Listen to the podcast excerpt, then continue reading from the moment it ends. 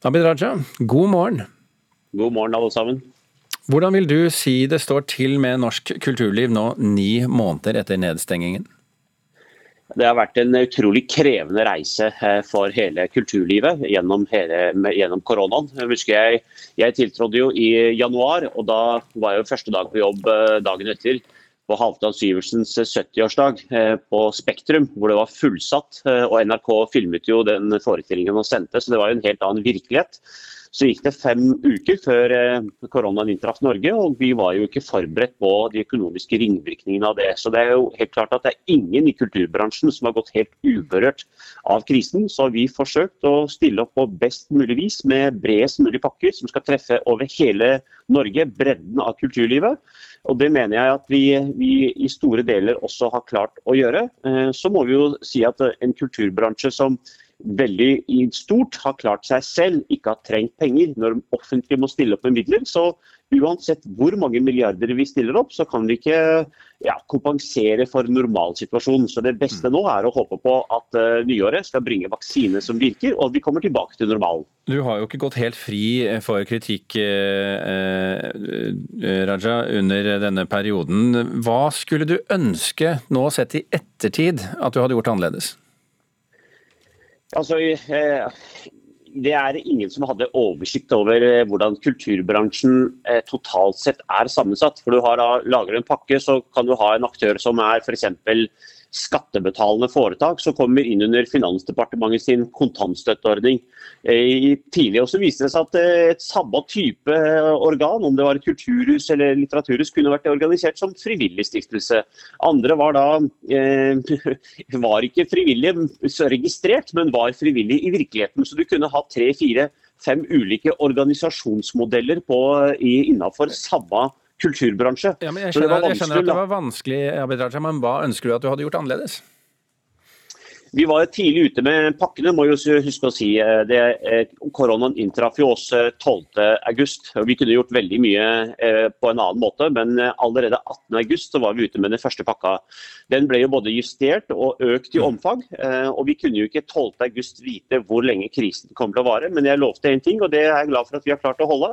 Og det er at ettersom krisen endrer seg, øker i omfang, at flere faller utenfor, så skal vi justere og forlenge ordningene. og Det har vi gjort. og ja, Til slutt så står vi nå igjen med 5,5 milliard kroner ekstra bare på kulturbudsjettet. Eh, og jeg er fornøyd med at det er den borgerlige regjeringa med Venstre i som er det landet i verden som har stilt opp på romsligst måte for kultursektoren i dette landet her. Sikkert mye å være fornøyd med, men spørsmålet var altså om det var noe du ønsket å gjøre annerledes? Jeg tror etter at dette året her er omme, så kommer vi til å stå igjen med bedre oversikt over hvordan kulturøkonomien i det brede omfang er sammensatt. Hvordan ulike sektorer er organisert. At noen står i Brønnøysundregisteret, andre er skattebetalende, noen er frivillige, noen er samvirker.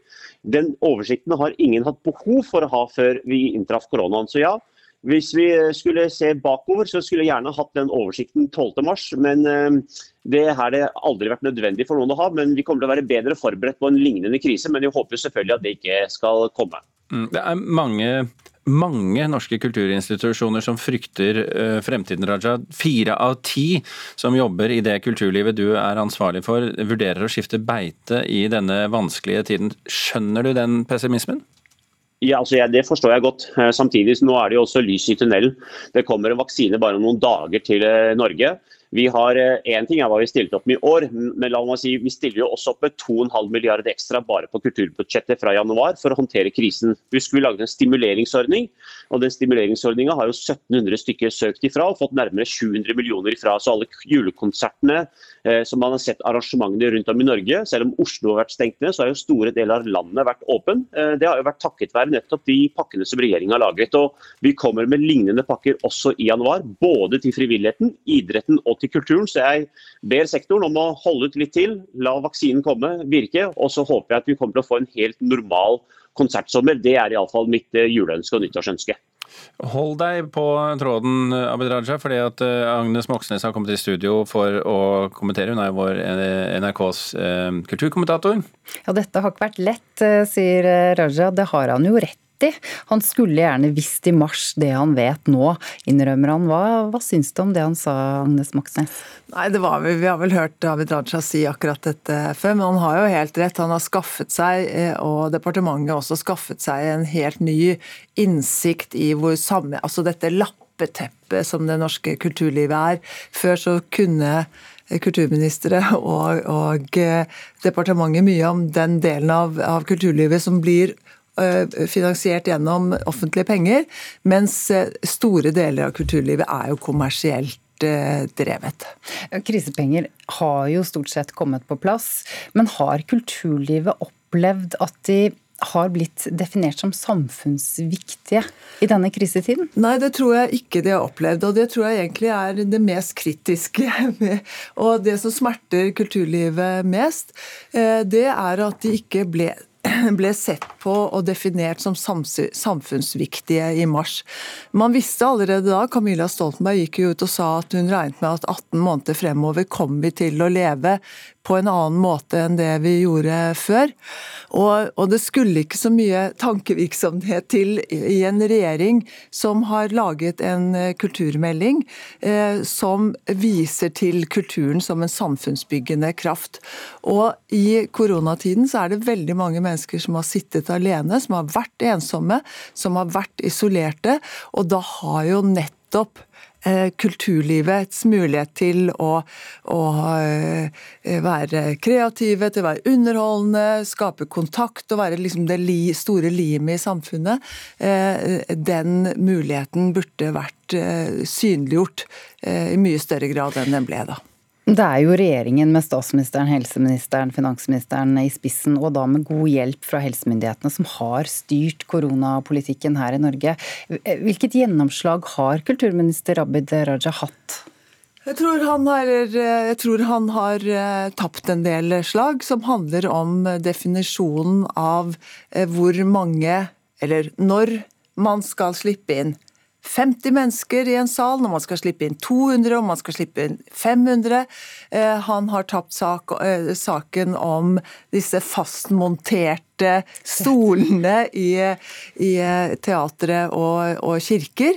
Eh, men han har vunnet mange slag, og det er særlig de slagene som har stått om penger. Og det er jo som han sier, altså kulturbudsjettet er jo nesten doblet, blitt doblet i løpet av, av dette året her. Abid Raja, er du med oss fremdeles? Ja, det er jeg, vet du. Kulturlivet føler seg ikke som, samfunns, som en samfunnsviktig stolpe i samfunnet, eh, sier Agnes Moxnes her. Din kommentar? Jo, de er en samfunnsviktig stolpe. Det er jo en av grunnene for at vi faktisk stiller opp på romslig vis også med de milliardene som vi har stilt opp med. Men hvis de ikke føler vi... seg som det, så ikke, har du ikke helt nådd frem, da? Jo, men samtidig som vi husker at selv i en vanskelig tid, så har veldig mange stilt opp med å gjøre kunst og kulturen sin tilgjengelig. Operaen begynte å kjøre ut altså på lastebil eh, rundt omkring til sykehjemmene i Oslo-regionen. Kode eksempel, nå har jo gjort eh, sine utstillinger digitalt tilgjengelig. Over hele Norge så ser vi kunst og kultur bli tilgjengeliggjort på internett. NRK sendte jo både Lisa Davidsen og vi skal vel også se Nøtteknekkeren på NRK på andre juledag. Så det er jo en ny måte å også vise frem kunst og kultur på. Så er jo også et par slag vi har vunnet. Eh, kulturen var veldig opptatt av at vi skulle ta i bruk annethvert sete innenfor sektoren. Det slaget ble jo Helsemyndighetene gikk jo eh, ja, med på det. Eh, og så er det viktig å si at vi har hele tiden måttet håndtere liv og helse først. Det at Norge har lave smittetall, og det vi har lave dødstall, det er også takket mm. være den dugnaden jo kultursektoren har vært med på å legge ned, slik at vi har sikret at vi har kontroll over koronapandemien. Så en stor takk går også til kulturlivet. Der setter jeg punktum for deg, eh, Abid Raja, og ønsker deg en eh, god julefeiring. Ja, riktig god jul til alle sammen. riktig god jul, alle sammen. Ja, det bra.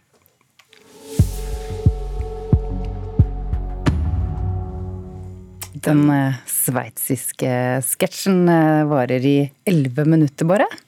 Og likevel så har vi altså lagt vår elsk til den, der altså James serverer eh, vertinnen Miss Sophie fire imaginære avdøde gjester på hennes 90-årsdag. Og det er 40. gang det skjer i år. Det er jo absolutt en del av tradisjonen, da. Så, så akkurat som ribbe og surkål, så, så, kommer hovmesteren og grevinnen, ikke sant. Så. Admiral von Schneider. Admiral von Schneider is sitting here, yes. Mr. Pomeroy. Mr. Pomeroy, I've put round here for you. Grevinnen og hovmesteren har blitt en av våre kjæreste og mest trofaste juletradisjoner. Og i år er det 40 år siden den ble sendt på TV her i Norge for første gang. Nora Nerman sier at sketsjen gir henne gode barndomsminner. Jeg, vet du, Det morsomste jeg synes med det, det var faktisk at min mormor lo så tårene trillet. Så det, var liksom, det er liksom den gode tradisjonen og de gode minnene med at hun syntes det var det morsomste hun bare visste om. Men jeg var såpass liten at jeg tror ikke helt skjønte den humoren. da. Men eh, jeg syns det var gøy når han snublet i den Hva Er det tigeren som ligger på, på teppet der?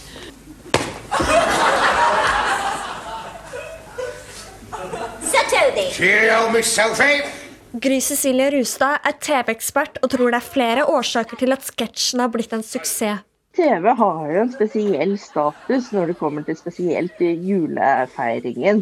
Eh, veldig mange steder i verden hvor man feirer jul. Julehøytiden er jo en høytid man gjerne feirer i hjemmet og sammen med familien. Så det familien gjerne flokker til sammen, er jo da TV-medie. Ikke bare 'Grevinne Håmester, men man har 'Tre døtter til Askepott', man har 'Donald og vennene som ønsker god jul'.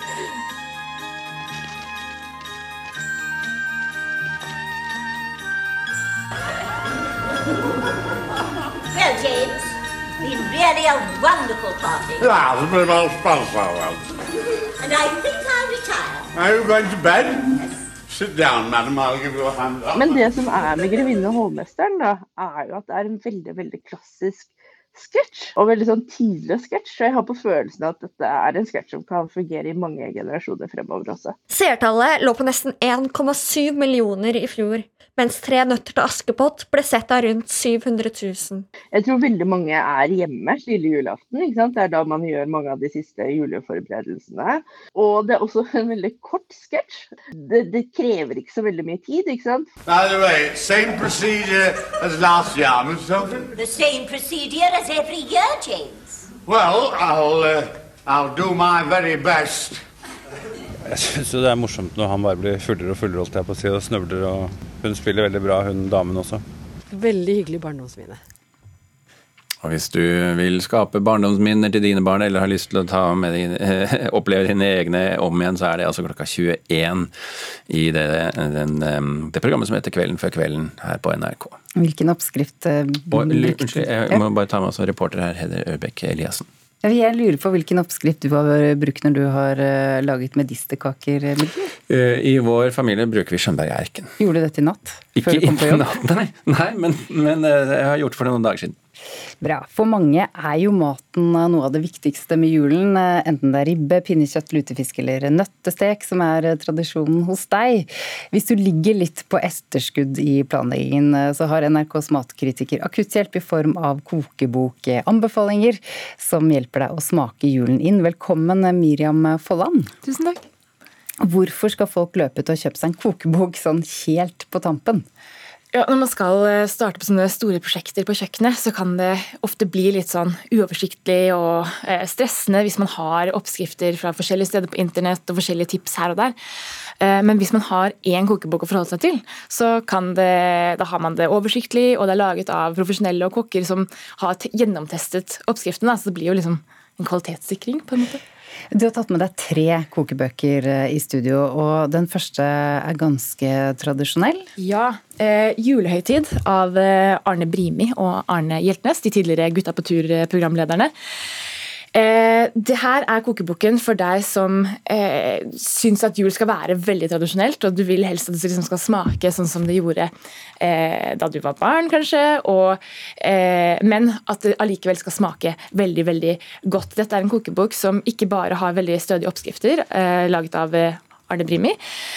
Men den er også veldig god lesning, fordi Hjeltnes har da kommet med tekster i form av sanger og betraktninger og historier rundt jul. da. Og så til dem som vil gjøre det litt annerledes. Ja, eh, denne, Da vil jeg anbefale Lises jul av Lise Finkenhagen. Dette er en bok som tør å tenke litt annerledes. Den har oppskrifter som eksotisk pinnekjøtt og italienskinspirert ribberull med fiken rødkål. Så det er tydelig at den bruker eh, smaker og ingredienser og inspirasjon fra andre land og kombinerer den med det tradisjonelle norske. Eh, så det er veldig kult å liksom eh, tenke litt utenfor boksen da, og kanskje finne noen nye julefavoritter. Og til slutt så har du med en bok som ikke handler om selve middagen, men en eh, potensiell eh, aktivitet. Ja. Eh, 'Pepperkaker' heter denne bakeboken av Marit Hovland. Eh, man kan kanskje tenke at sånn, eh, hvor mange pepperkakeoppskrifter eh, kan man trenge? Trenger man en hel bok? Denne vil faktisk overraske den overrasket meg over hvor mange spennende vrier på pepperkaker den har. Men også de utrolig imponerende dekorasjonsmetodene. Det er veldig oppfinnsomme. Og det er en veldig fin aktivitet å gjøre sammen med barn, fordi det er så tilpasningsvennlig. Du kan lage veldig lett pepperkaker, men du kan også lage veldig veldig vakre Eller du kan kjøpe deg en ferdig. ja, men, ja. men eh, du, dette er jo tre helt forskjellige bøker, eh, og nå er det jo ikke mye tid igjen eh, til julaften i morgen. Hva vil du si om vanskelighetsgraden her? Har man tid til å sette seg inn i dette? Eh, ja, jeg syns eh, egentlig det. Julemat er enkelt og greit. Eh, og heller det tar jo tid, men det er jo norsk tradisjonsmat, så det skal på en måte ikke være helt hokus pokus heller. Og julehøytid vil jeg si passer spesielt godt for alle. Takk for disse hastetipsene, matkritiker Miriam Folland. Og vil du ha flere kokeboktips som kan redde både julemiddagen og romjulsbaksten, så kan du finne denne saken som Miriam har skrevet på nrk.no.